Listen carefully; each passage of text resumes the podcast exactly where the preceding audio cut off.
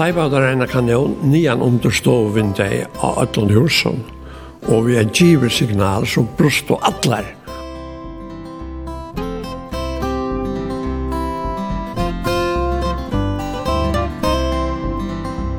Hon helt det var väldigt spännande gänga till gänga till boxing alltså hitjat och där hade jag underhalt biografer och där bygden är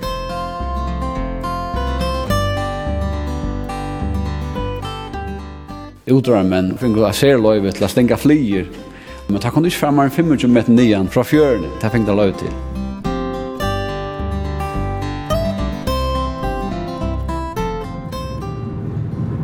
Gåan der. Om en løto kom jeg til et sted. Her er omgang til å ha vært før. Det løser en særlig kapittel i søvende som samståndes er brøtt i heimen og ikke minst føreska samfellet i Negv høyast sirkuligar omstøver.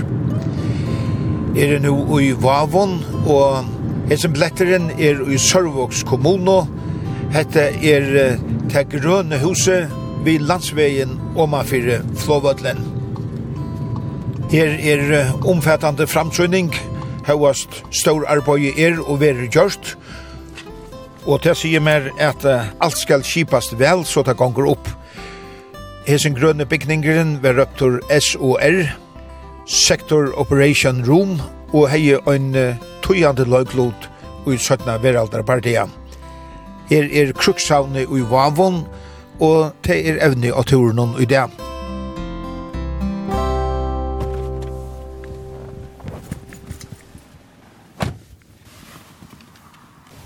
Det skulle Karl Johan Nilsen være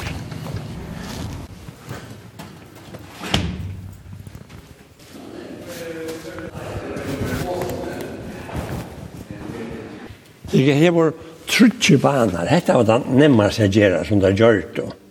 Så skulle det hava en gjørn her lakkan her, henta vi inn. Den flotte køyre vi. Og så skulle det hava en fram vid vattnet her. Tui ligger torni her. Det kunne styre ødlo fra hessen torn.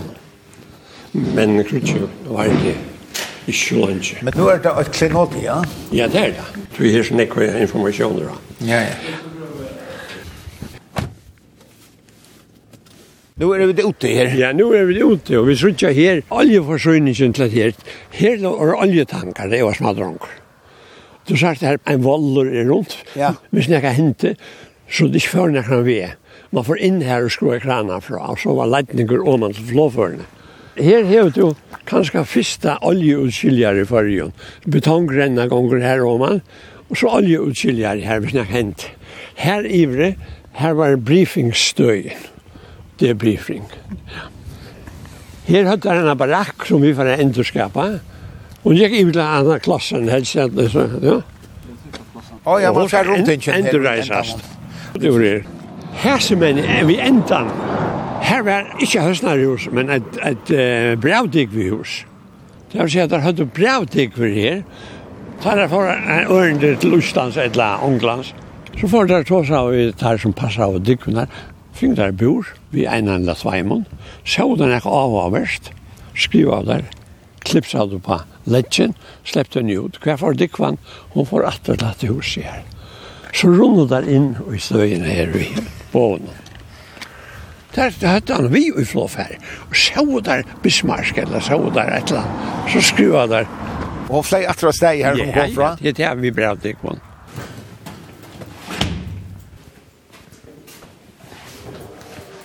Ta i Danmark blei herstidje 19. april i fjörde.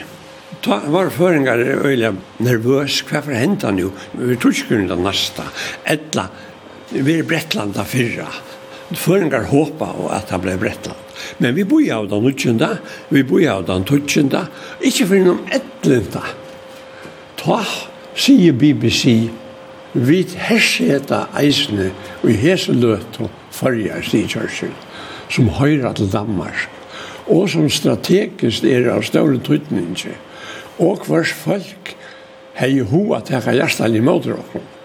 Vi skal velja førja i måter ødelen herskapet og i stedens av grunnen, og vi færre brinje oss vel ut til sjøs og i luftene, til den løtan kommer, tar vi færre at leta ødjanar atter til et fralst Danmark, som er fria for høre kuene til å komme i av tysk og agensen. Men det gikk jo fem år enn den løtt kom, da var alt brøtt sånn jeg. Det er ikke, nå ble det ikke bare sånn handa bekk, men det, det er rett av der så, men da sier folk ikke nei. Og så er, vi kjenner alle søvnene om folkehjelpgåve og samrøyngar, så 1. april og i 84, da hadde vi det hjemmestørslovene. Og her er mynd av Sir Winston Churchill vi så i nav. 1844 til 1935, ja. Det er sjøvgånden, kanskje sutja her. Ja, ja, og dette her er så i konjene, som man sier. Da er vi i uttøvgå at det huset her fra landsversk. Ta fornevnten en annonsfer til Ånglands, og hun var vel fyrirskipa, og vi kom i samband vi uh, Steve Lloyds, som var vera overste fyrir søvodalden i Royal Air Force, og som har vært vidt at endurreist en eh, sånn sector operation i Nya Malta, her som der bygd, og Oxbridge nordenfor London. Vi var nere i juni i 12, bjøva henne. Han bor nere i hotellen og nere, og vakar. Han var natt og det her. Det var en øyla ring konstant der. Nei, han hette var øyla av av verst. Og han sendte jo noen sånne tilfær, jeg ser spiralbindene, av fyra østene, som han gjorde, og han skriva forskjellig, altså, så vi hadde hun ikke geng ut fra.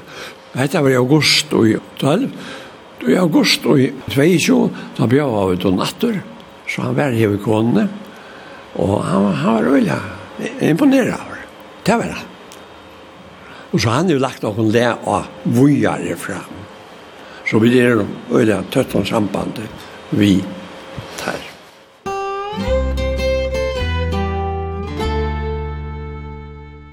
Ein av nevntarlivnen og krukshavnen er Frau Poulsen, ur Møvaje, og Frau tid ivetok og hentan bygningen, etlenta og i etlenta og i etlenta.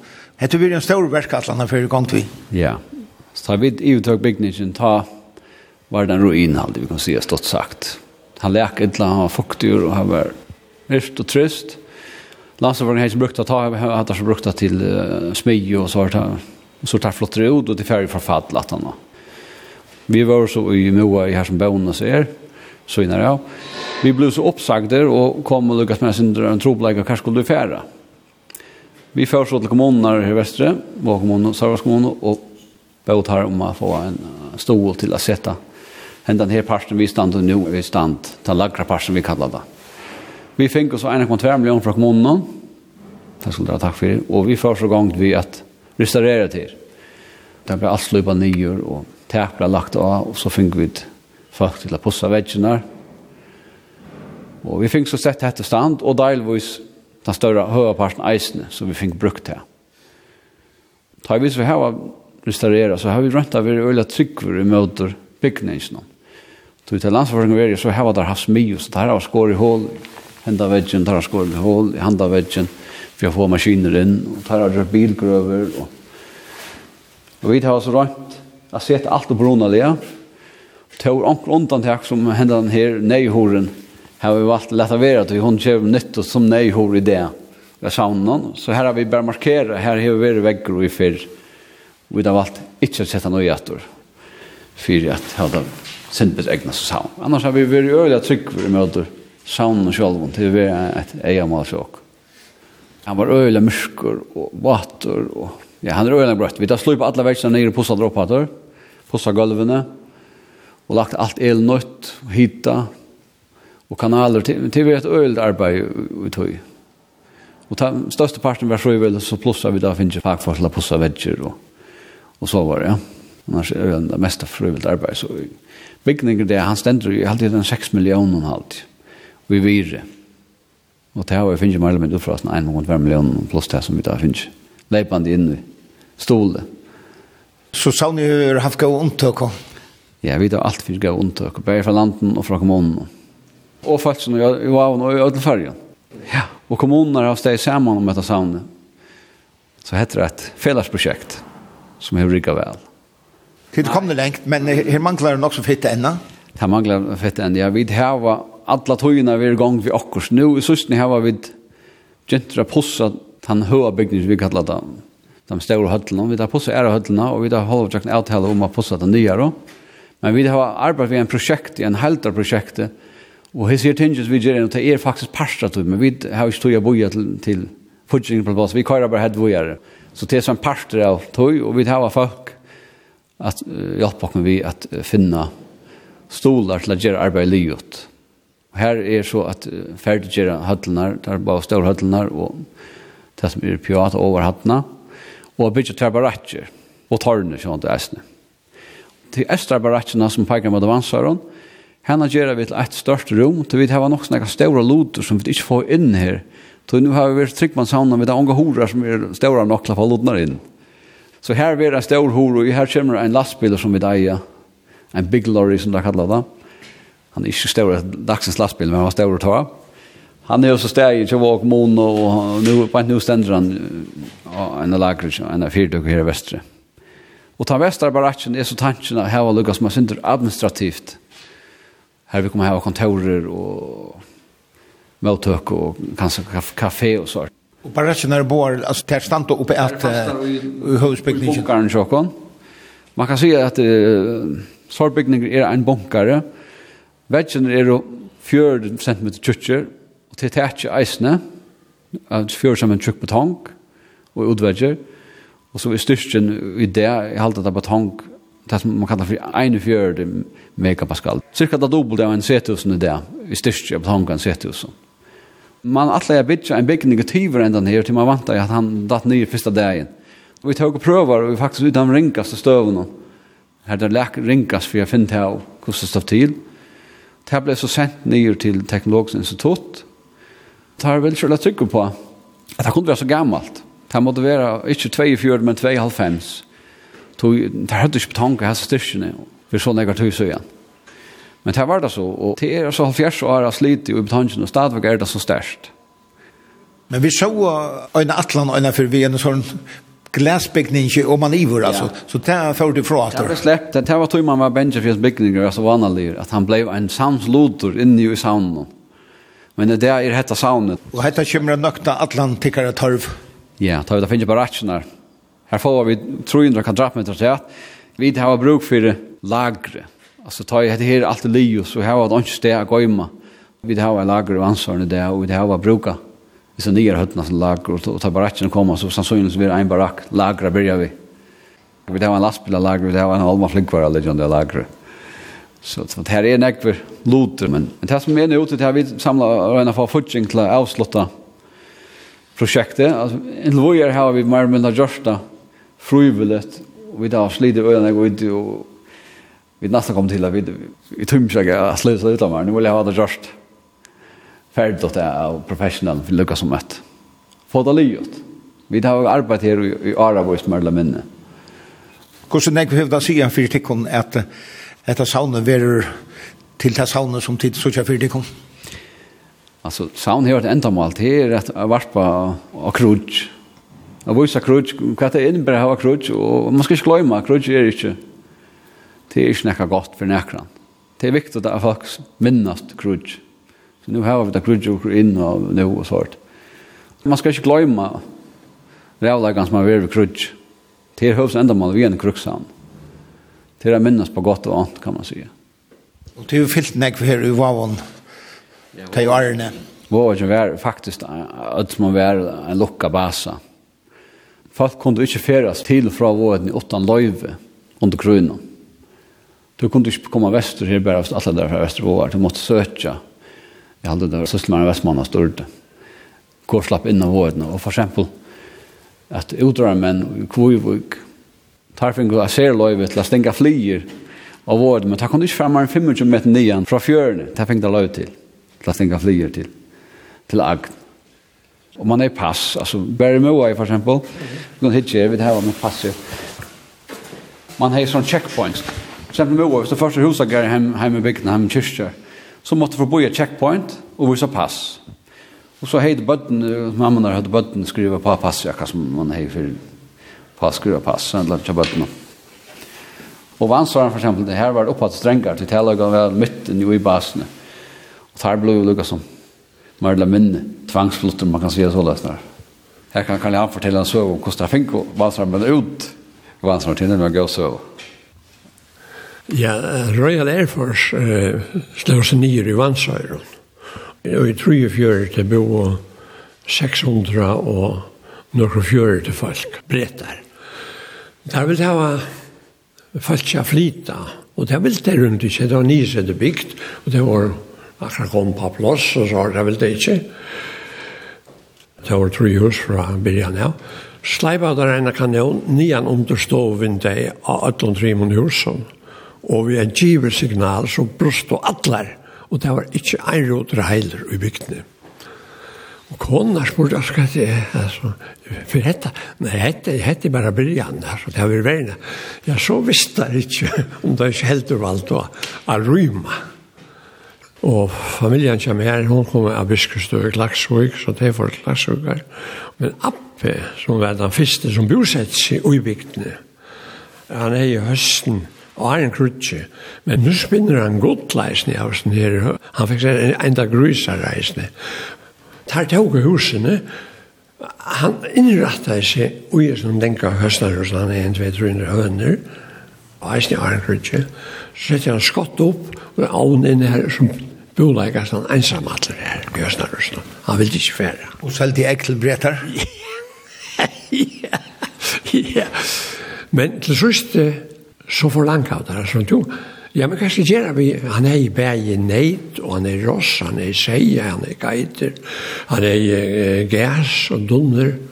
Hva skal gjøre vi alt det der? Hvis du skaffar lente, en trø eller sånn, så skal vi slita det. Og han tar seg som kona, hun er jo døtte bøndan av Biskustø, og var kjenner i festa, så en av oss kan hun bera mannen hun teg på, at nå har vi vært papen eller badgen. Lät jeg finne en trø om man fyra kausen og klagsvåg. Så forteller han breten det. Ja, det får ikke. Så slår vi til av transporten og poppi sylt inn av mua, og så der som kunne køyrast i lastbilen, derfor annars ble gongan rikin, og så ombord av poppi, eisne under dekk. Abbe var ta affærene halta mjødnen var færre, så han brukte stav og han hei kjekk. Så da toppen kommer inn at legger stenga brunne. Klaksinga. Ser løy ut. Og så er det lakru jeg dørene kom opp og kan. Han minner meg om noe av det. så får han rekan til norra kausene. Og her var hans resten av grunnen.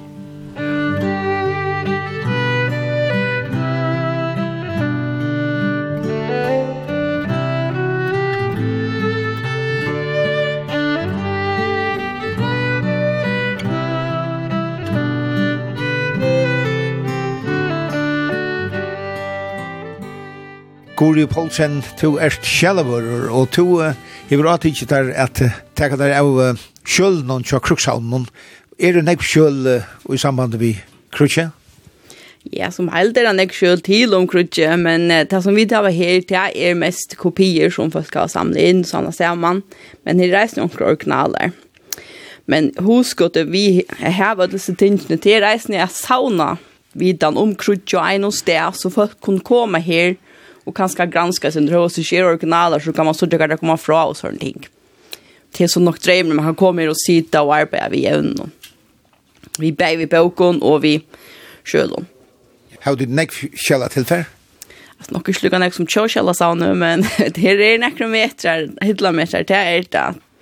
Det är schysst ju borstor. Men det kanske en en film om när how it slukt sound shaman vi Krukshavn och Kjolvun, hver man ser alle disse imske lotene der absolut så kan man komma i den nörda så man är av och jävna som det kan brukas till att kunna folk och utbyggva och sådana ting. Så är det ett steg som man kan, här som alltid sauna om samma ävn, ja.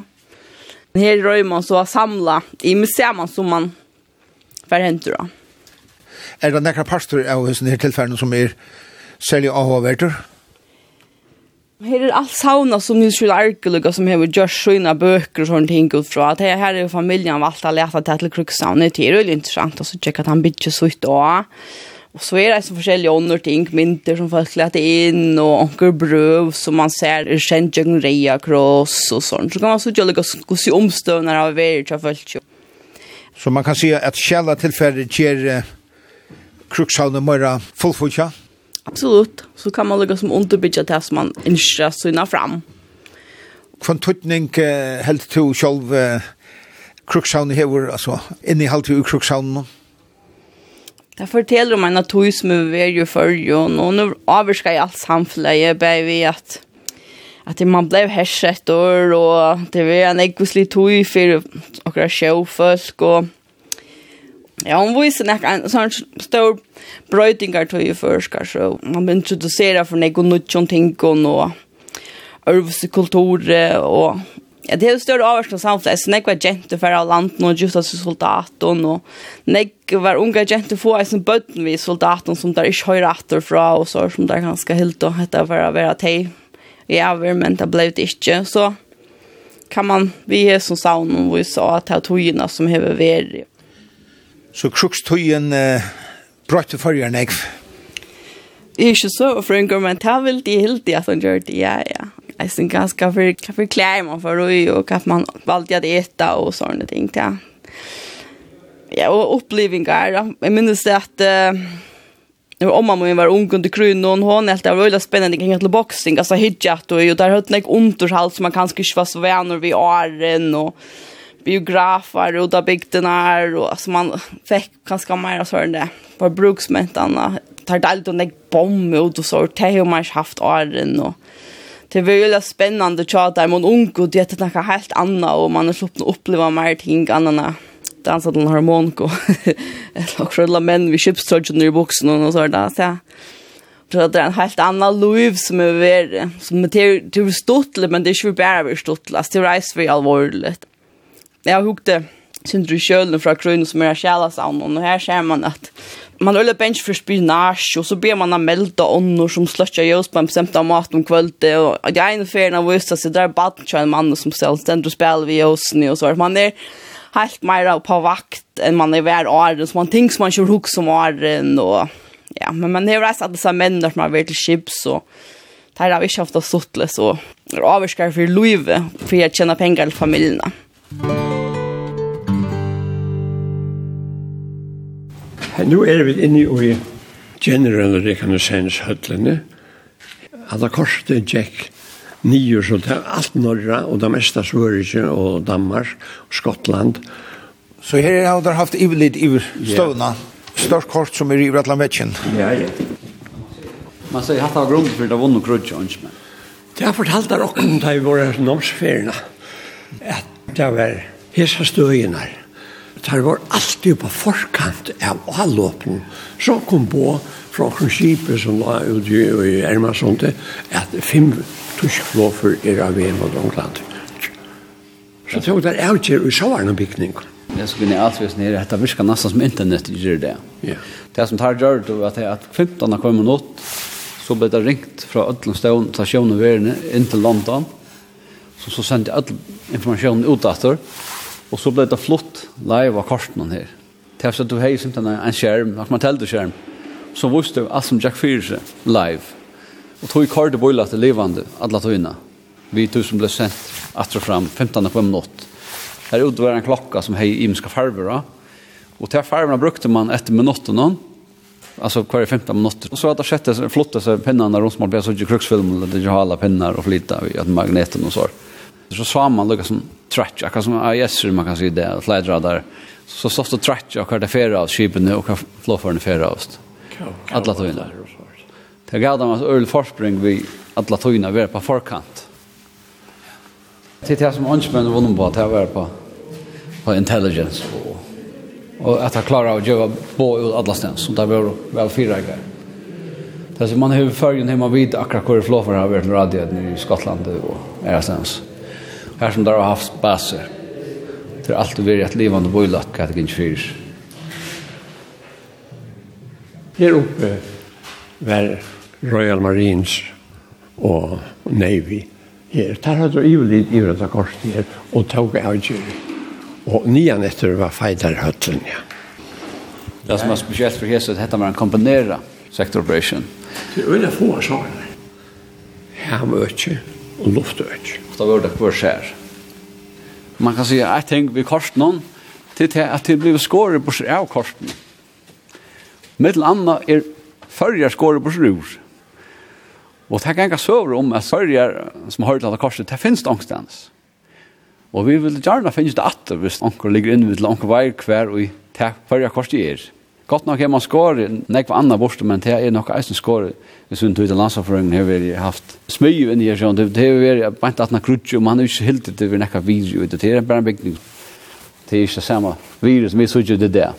Så tid meina at det er til? Ja, det sier rukten at det er til. Hver? Søvnar sier at det ligger angst omkring arger, jeg vet ikke om det passer. Så jag vet inte hur jag med vad jag har detta kors i er. Jag börjar väl när det också så bara förra korset vi över skor på sjur, Det blir en runt en groj och i kors någon och så blir det mer skor av att han Det landar på runt här har största rum här så där skor på sjord och tror det blir oj lack kors men men det är så att vi för restaurera sen det vill få ta korset. Helt att men det mesta är är till korset. Ja, ja. Det är Island och och norra och Sverige och Finland. Ja, som är i Manshad till till till Rönnstumaskåren nyer så. Så det er en, hva man da vet, det är en 5 gånger 5 meter av mer, 5 gånger 6. Så tanken er å få til att på ena måte som vi kunne få det. Alltså just som det gjorde förr. Og akkar og øtje har jo òsne stor tøytning, og gosur det første åren. Ja, veveren i jøkken, middelen Øster og Vester, det skal enten middelen Østland og Færger, eller Færger og Shetland, eller middelen Østland og Grønland. Tøy blod i Færger øyla strategisk, Du vet, her var bæg, alt øyla middelen Østland og Skottland, det er lukka som herlige i middelen tog det haft stor antydning under grøn, man kunne laste av så sett. Fudgen er ikke slappen vestrom, og kunne hjulpet amerikanerne og øren og russerne for samtidig å arbeidere atter fram under grøn. Man pleier sånn at disse kruksfilmene har damene ganger rundt ved pinnen og flyta i mennesker prikker. Det er det samme vi er her under grønnen. Og man mener at det er bare eisene som, som det har flott av, som steg i midt av gulven her. Vi standa en paddel her, her har folk sydd på paddelen, som har sett lukka som iver til feltsene. Hun har hukt på skjermene og, og skriva ner og sendt på. Og så oppe i loften her på en her er då man kan si, officerarna. Det så tar har vært for seg selv, og tar har sett her oppe fra ivra Korsti og nere etter båret, og kunne snakke og trona i syna middelen. Så selv de følelsene som har gjennom her nere gulven, vet ikke gang gang fyrir seg, og i krøyene. Det er bare følelsene oppe i brunnen, som har vita hva man har planer om det har nok forbindelse til Skansan, nesten i havn, minnes meg rett.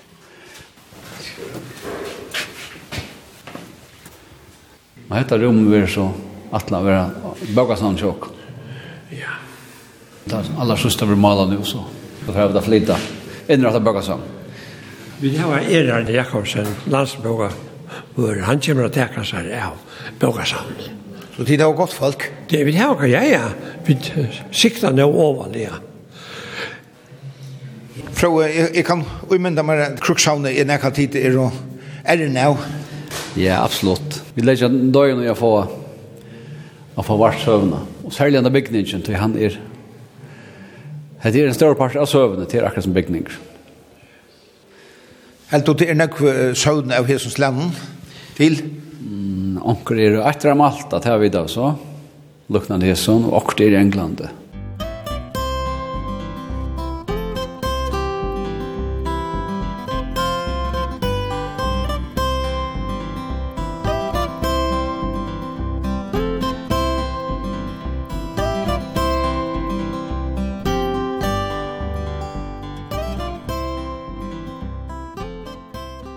Frau Paulsen, det er spennende ting, alle sann jeg sier her, men her er uh, noen særlige loter. Ja, hette er nekker loter som er tekner opp av uh, Southernest, det som vi kallar for Jolaskipet, som sagt, i 41. satt av desember, Fogløya fjøre. Og i 2000 har det fra dukka ned og tidsen nekker loter opp, tar vi så finnes her, her, kikkveia og klokka og, og imesk, og når telegrafen, ikke i dør. Man kan se, her er en stortlig søv om altså, klokkene, som vi det har her, skipsklokkene. Hun tar tidsen opp, og så har man uh, hatt serføringer i Kanada og sagt her at klockan kan omgang bli blenkat. Men uh, så var det sånn var og, og Julian i Kvivuk som spurte om de kunne slippe bussene, men man har glemt å fortelle dem det at klockan ikke kunne bli blenk. Så det har posse, posse, posse, posse, og, og posten har blenka. Så jeg har glemt å fortelle dem, det er bare stil. Og hun ble så blenk. Og så nekka settene, så, så kom der hitje til lotene, sier som, som var tisdag opp, og, og Så vi tar tag og døyra vi, hva er hundan vi tar gjørst, så klokken om det hadde sprøyt lakkerene. Tøy det at de kunne ikke bli blenk. Men kvart er det, er det godt ikke å vite at ting ikke blir til, så, så ber jeg det ofte til å lukke. Så det er etna stikken Karl Johan å få fætter i i nekvon loton og nekvon spennande loton fra krunnen. Ja, nu du sier dette, så er det mange som sier vi okon at dette var tøkken tøyma at savnet ble stående. Tøy nekve luter av oversta loftet ikke følte, husen skiftet eiere, det kom et, et nytt atterlig til, og her ligger uh, Horskjeld Aurod, Hvis ikke kruksene var kommet, så ville det enda tja IRF eller KOB. Folk er utrolig gjort som vi har lært det loter. Og altså, bortsett seg fra Lutteldøymon, så er det jo alle hinn og ikke noen loter. Så det er folkslitt, altså. Så de merker at folk følger nekka fyrt? Ja, ja, ja, ja, ja. Vi da finner jo mer eller alt som er inne i oss sånn fra folk. Det er rinja. Men tar det rinja så ble jeg av det sjåder at jeg kontakta det etter. Arne, de skifta mening. det er fakkas rymda sindur, men så sent som vi gjør, finner vi det en lod. Veli og en er morsdara grannat.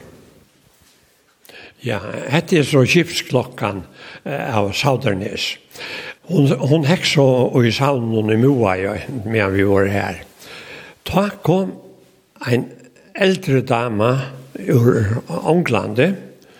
Hon er hørst at skipsklokkan og loter av saudernes var av saunen, og hun ville suttja og nema vitt her, tog pap hennar av silte vi saudernes. Da han så kommer iver til skipsklokkene, så teker hun tverster om klokkene, tverster om her og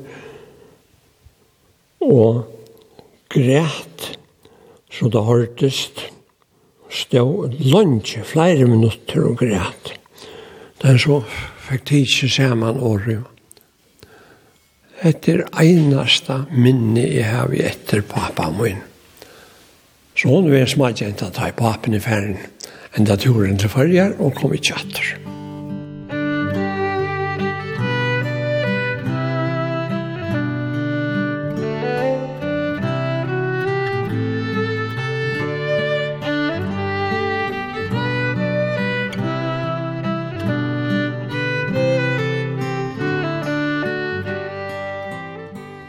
mittlen lotnar og kruksaunen er fyrsta flatje som var vunnt i Astang ombora førskon kipe.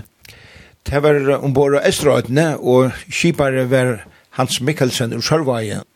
Og Julian Mikkelsen ur Kvøyvøyk, det var papetøyen. Hvordan var han hentingen? Han fortalte om disse destroyerne, da han kom i med ørkenøyden.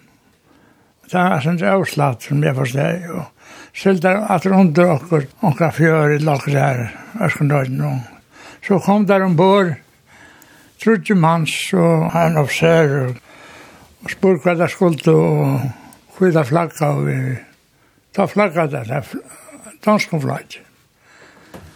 Han ordnet han, han takket den nyer, eller man hei, man hei en anna flagg. Danskare var jo hersetter av tuskaren, ja, ja. Jo, han er en annen, og så sa jo til han.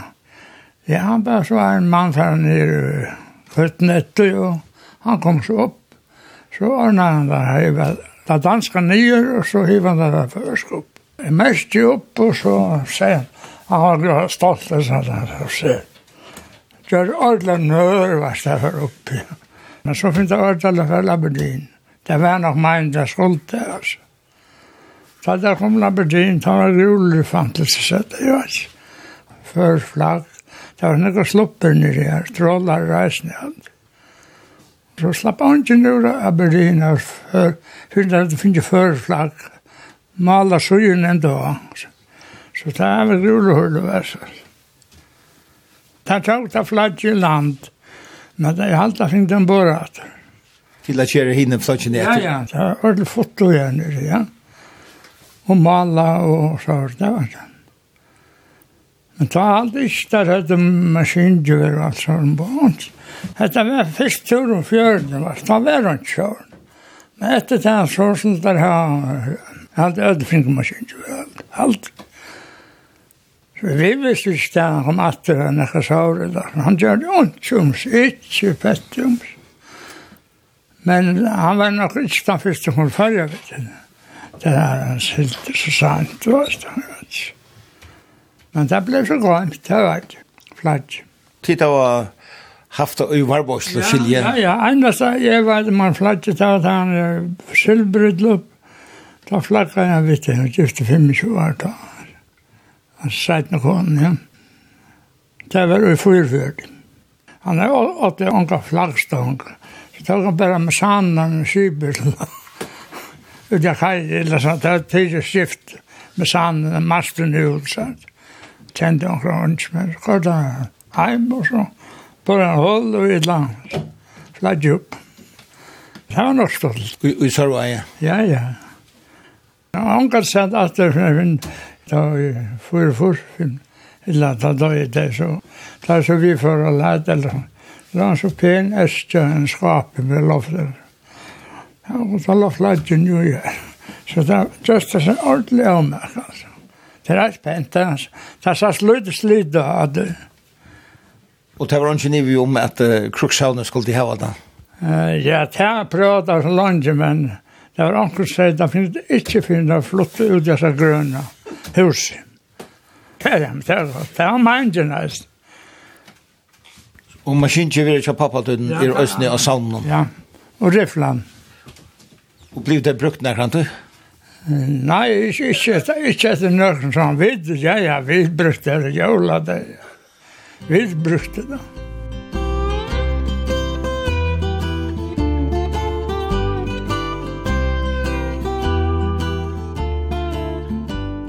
Her er målninger. Her stender vi silverplato. Vergiven farja løktinge til opphandjengar og i tingsalen og Ålandsøk og 1946. Det som giv vi her i Norrøna felaget, passet vel et kimpel. Det var sanna kibasmyen, ovakt og Trollare fella i tår. Og det som åtte tår 1 og tår 2. Teir hava finnst jeg var vokstein, mala skansan som han var under grunnen. Og så Nu, nu är det sånt där, apropå vi gav om. Tar färre så och geva förra löktinge. Hetta skulle det håndja upp och i tingsalen av Ola Sjøko. Nu krutje livet, sex och fjörd.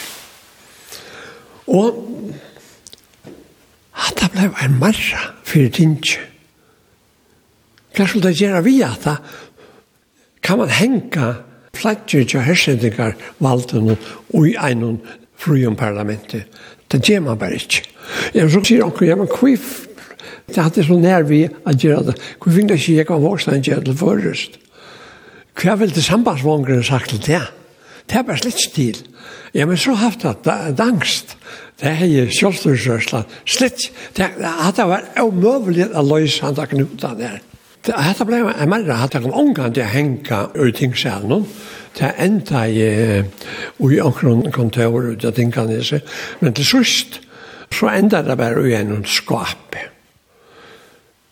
Men hun sjálf, uh, Susanna Deinesen, hun sier at nu da vi er bostegånd som lunsje, hva sier det i kruksane?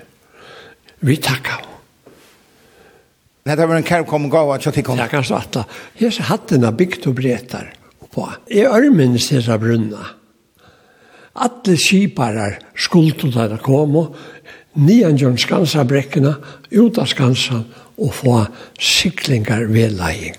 Där, hvis jeg skulle ned til Aberdeen, så skulle jeg sikla ester av punktet her som det var en li og i verre mine gærne. Så hadde det ble nek vitsa av å føre som kipar under grunn. Karl Johan Krukshavne fevner om hese Krukshavne sjåvante. Sjålt om det er et stort tøyarskøy i førja søv kan man ikke si at uh, føringar lærte hun nek av breton. Så det er så helt avgjørst. Det var en, en helt nutcher heimur som dyr som låtes opp for, for mongon. Rymlig føringar høtt og Det er fisk og sånt, men hette at det er eisne, der for å selja fisk, der kommer ned til Bretlands på en helt annan måte. Og, og så der som kom opp her, der flott jo kun nesten ur, ur en mjølt oppe i Nordøyene. Det var så øyne teknisk utvikling eisne, hese som årene, bileren, Vi, der flømte vi inn ved bilen, som vi ser vestre. Det var nok fire og men eh, politiskt, her, her ble vi flott. Eh, vi skulle jo lettast atter døden ta i tyskeren hver færen. Men det ble stil at jeg skrua klokken atter her som vi morgen. Eisne, Altså her vester, folk kjente penger. Og det var jo lydig at hun, det var på borg og alt så vart. Her fikk det kontante utbetalinger. Det ble en sånn frugjering. Meira enn man kjente jo her. We'll meet again Don't know where Don't know when But I know we some sunny day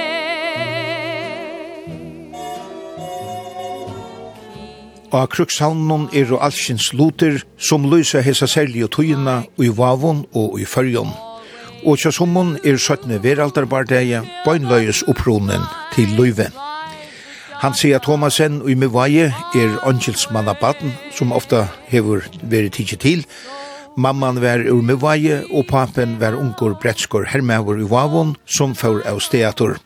Så hon vaks opp utan papan. Han sier at du opplevde til ångan til pappa din? Nei, jeg var ikke engang født da han får av sted, så at han sa i ångan til. Han får til, så vidt det var til Frankar og Kjerfra, til Normandoje, og som de fleste kan skal vite, så var det dævren satt av Joni som är född i Joliman og i Da kjenner jeg han ikke, og jeg har jo ju kjent han. Men uh, av era lesing av den är och i, och i Mouai det var stått litt. Vi hör altså ofte om happing uh, med den skola lärare men det är mest ju sånt still. Men uh, bøten, og særlig vaksen, Og så var han visst og bøtene til det, visst og fra den vaksen.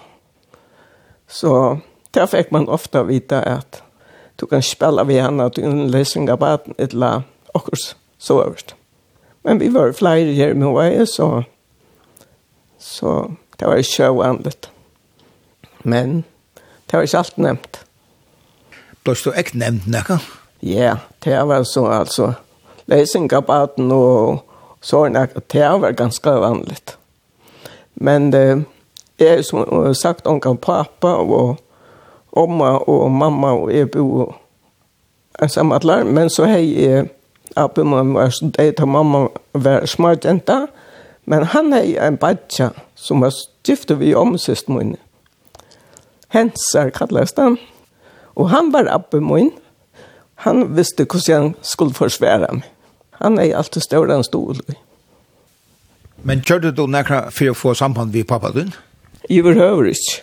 Jeg vil slett ikke ha nekra, nekra som helst kontakt. Eller, jeg tenkte jeg kan bare bli mer skuffa kanskje. Så tog jeg vi omgå gjørst nekra. For jeg får uh, kontakt med han.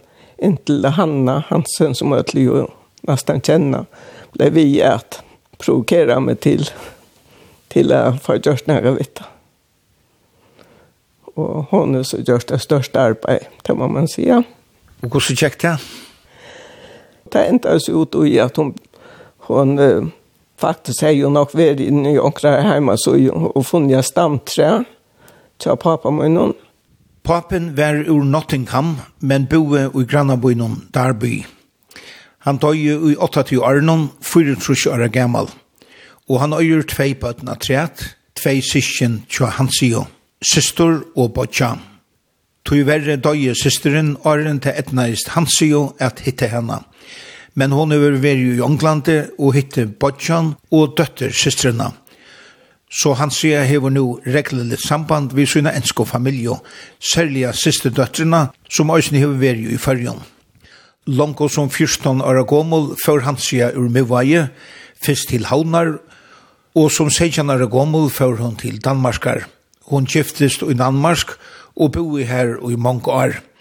Ta med over en dag kom hun heimater at ferast, og i heimbygdene møtte hun en gamle skolafellava, Nils Julius Thomasen, og de ble gau og giftast. Så Janne hever han sida bo i Mivaje. Og i 1995 får hun at arbeide av demensstoltene og ettershøymen hun i Vavon, og det gjør de hun i 16 år til hun ble pensjoneret. Hvordan var det så at flytta atter til heimbygdene? Ja, det var nekka en kulturkjøtt, må jeg sige. For det første så var det nek som hadde glemt meg alltid. Det første var det rævliga strev helt. Men man var til alt. Så nu ganger vi til her mauren vi, vi bæg nøyta okkar altur dem, trena og genga tur og så var forskjelligt. Nokka gjerra hvis man tog tøymer. Vi tar gå en natur her omkring Mova og, og vi folk og i hele tid. Man sier at uh, tøyen leker alt svar. De svarene som du fekst uh, som balten og unge er til lekt. Nei, jeg hade man må helt si at man må lære livet, vet du. Helt helt helt lekt blev jeg denne gången. Vi sa då en liten uh, det var en ting man gikk lipp av, ut man noen kan på hei, man för den här kajen at hinner kom og heim, stå og bo av et pappa när kajen og her, ja. Ja. Här kom på opp. Men mamma min ble gifta, i var en åtte år och Og her er en gåa mann, fytta mann, han døy bare alt for tullja. Han var ikke på min, han var pape badjanar sammen, men han var en utrolig fytt person. Men nu er vi så få etter, sist min dag, så er vi en badja etter i England, og i førjen har vi bare en badja etter Rottmann som bor i Larvik, en badja en dag. Så Krutje har sett jobbspår, kjatt her? Ja, det må man säga. Det må man säga. Da vi var i England her i Batsmun finnes ett papper nu. Men det er veldig helt ung mamma og pappa. Min mamma min var fyllt en tjo da jeg var født, og pappa min var nok ikke vært fyllt og tvei tjo for en måned da nå, ja, det var født. Det er veldig rett ung. Men helt var nu vite om det? Ja, det er jo rent og at jeg vil kjæle sånn et par på noen. Og her stendur alt og i. Det hever han vidt alt om. Og han er god tid til det. Ja, ja. Ja, ja. Spedler ikke kjent ja. Men du har du sånn gant nekka fra honom? Nei, slett. Men om det var, tog mamma ikke vil til, uh, hun er konsekvent skår i alt bostor, det vet jeg ikke. Hun er omkad vilja snakke om det, og omkad vilja sværa meg på en ekka, som jeg har spørst om. Så...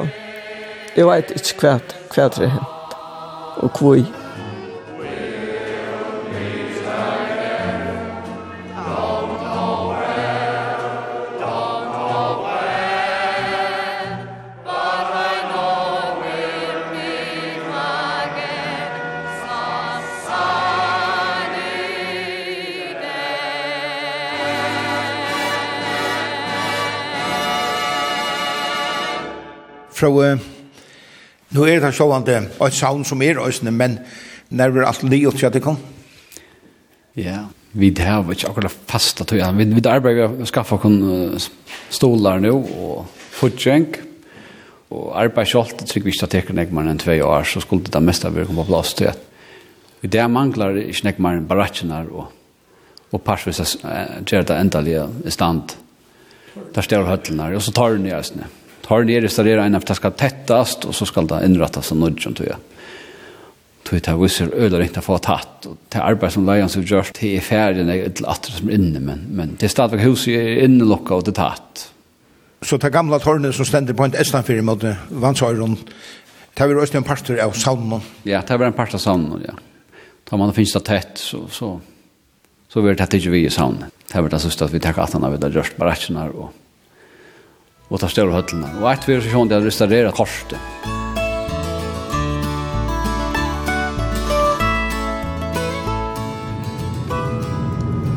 Hatta var så krukshavne i Vavon, hotekande vi Eldsalen, og jeg må si at det er flott klara at det var en omfattande framsynning samståndet som stor arbeid vi gjort. Men man ser vel at hatta var et vela saun ta alt var liot. Hesen turen er atur at høyra tursdag klokkan 11 og leierdag klokkan 4 og det ber til at lusta og heimasugene kring kringvarpnån og turen er øysene som potvarp. Vi høyrast, takk fyrir i dag.